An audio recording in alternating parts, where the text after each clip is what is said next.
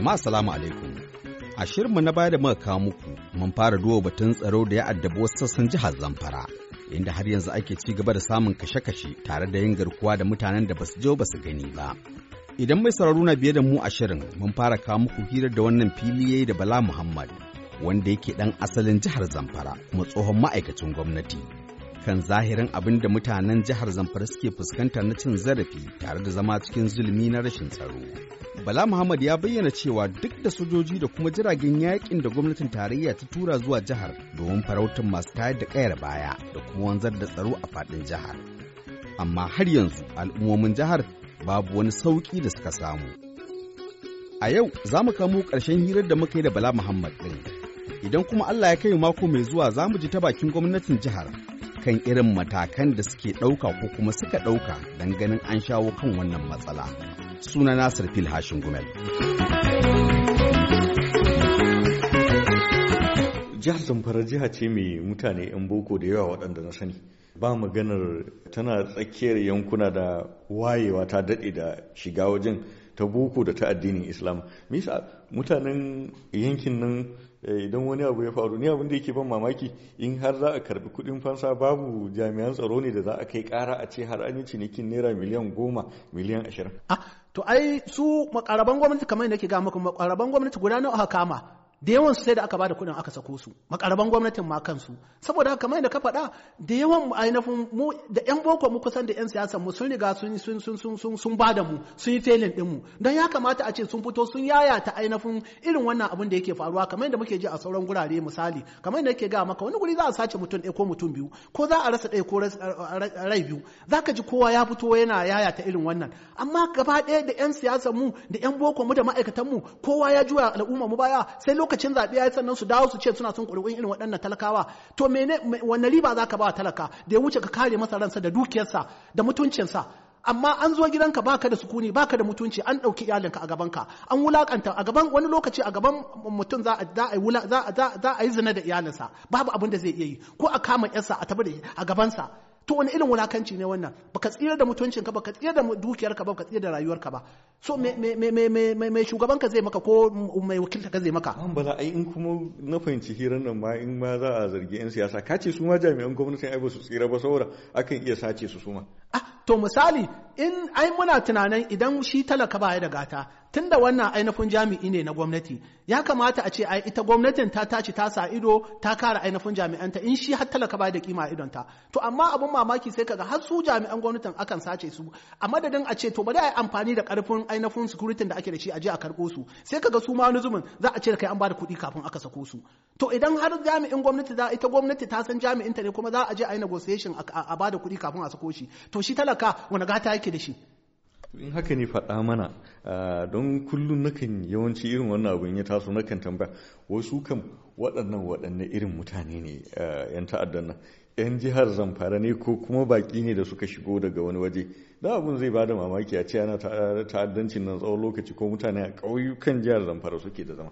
To a waɗannan yan ta'adda kamar yadda kai wannan tambaya kusan zan ce da kai babu irin jinsin da ba za ka samu a cikinsu ba.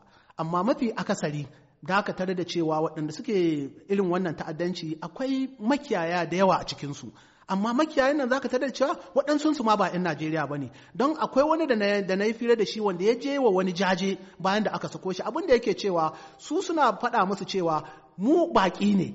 Ai ba mu san ku ba. Saboda haka mutanen ku ne suka ba suke gaya mana ainihin a kafin mu je mu ɗauko ku. Kuma abin da zai baka mamaki zaka tarar da wani lokaci za su gaya maka cewa irin yanayin gidanka da iyalanka da irin hudodinka da wa kake hudda yaushe kake dawowa gidanka yaushe kake fita. So kaga har yanzu an ce idan akwai idan daddawa da wari idan bera da sata daddawa ma da wari. A cikin mu din ma akwai masu ba su bayanai na irin wannan na shiga da fitar mu kafin su zo su ɗauki mutane. Dan dole ne bai yiwa garin da ainihin kai ba dan gari ba ne kuma ba dan gidan ba ne ka riga ka san ka san duk shiga da fitan mutum da irin yanayinsa da irin me mallaka amma an kaji za su baka wannan labari. Wani zuban har za su tambaya ko kana so mu gaya maka sunansa. Amma su waɗanda aka kama da su ce ba su da buƙata saboda sun san in an ma gaya musu ba abin da za su iya yi.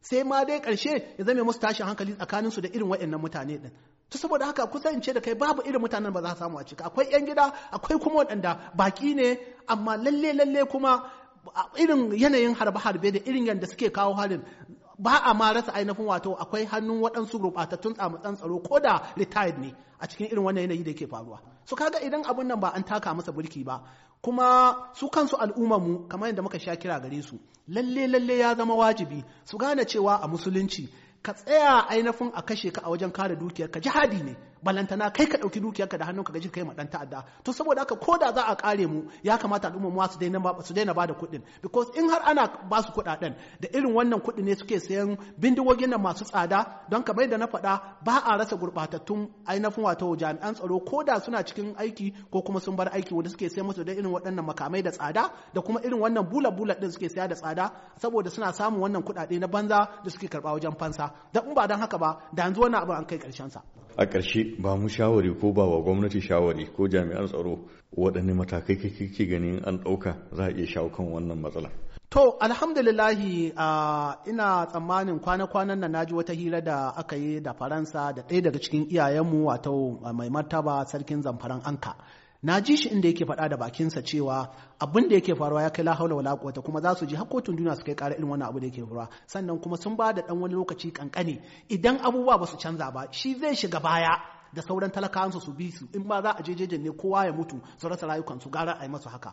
To saboda haka lalle lalle mu shawarwarin da muke ba gwamnati shine jami'an tsaro a babu wani wanda Allah ya mallaka wa ainihin dama a kiyaye rayukan mutane da dukiyoyinsu da duk wani harkokinsu na rayuwa da ya kamata irin gwamnati. Kuma dole ne a yi wa gwamnati biyayya kuma bai dace ba a ce al'umma sun ɗauki makamai don kare kansu ba. Saboda shi kansa wata fitina za ta biyo baya ba karama ba ce.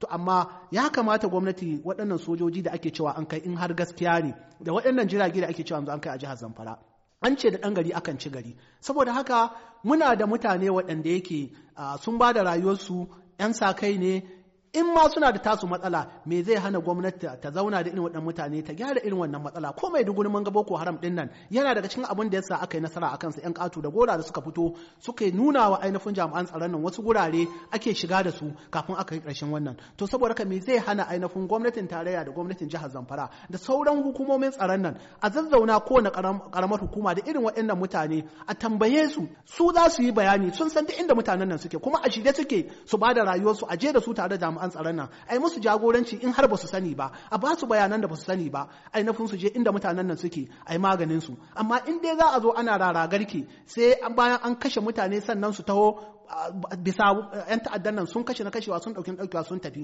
To babu ranar da za a samu ainihin wato bakin zaren wannan matsala. An bala Muhammad mun gode ƙwarai wataƙila sai wani lokaci mun sake samun damar zantawa da kai. To Malam Nasiru ni ma na gode Allah ya saka da alheri kuma ina fatar wannan kira zai kai ga ainihin kunuwan waɗanda aka yi shi domin su.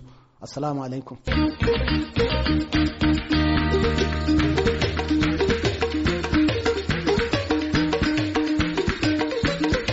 Bayan da muka fara gabatar muku da wannan shiri, mun ji wata hira da muryar Amurka ta yi da gwamnan jihar Zamfara Abdulaziz Yara Abubakar wanda ya bayyana cewa yanzu haka za a ɗauki matasan ƙungiyar civilian JTF kusan dubu takwas da za a horar da su tare kuma da biyan su alawus naira dubu goma sha biyar a kowane wata domin su taimaka wa jami'an tsaro a jihar. Haka kuma ya alkawarin ba da tukucin naira miliyan ɗaya ga duk wanda ya sanadin da aka kama wani da ke ɗauke da bindigar AK-47 a jihar. Wanda daga baya kuma muka samu labarin gwamnatin jihar zamfara na shirin baiwa wani direba ladan naira miliyan biyu saboda ya bi ta kan wasu masu riƙe da bindigar ak-47 su.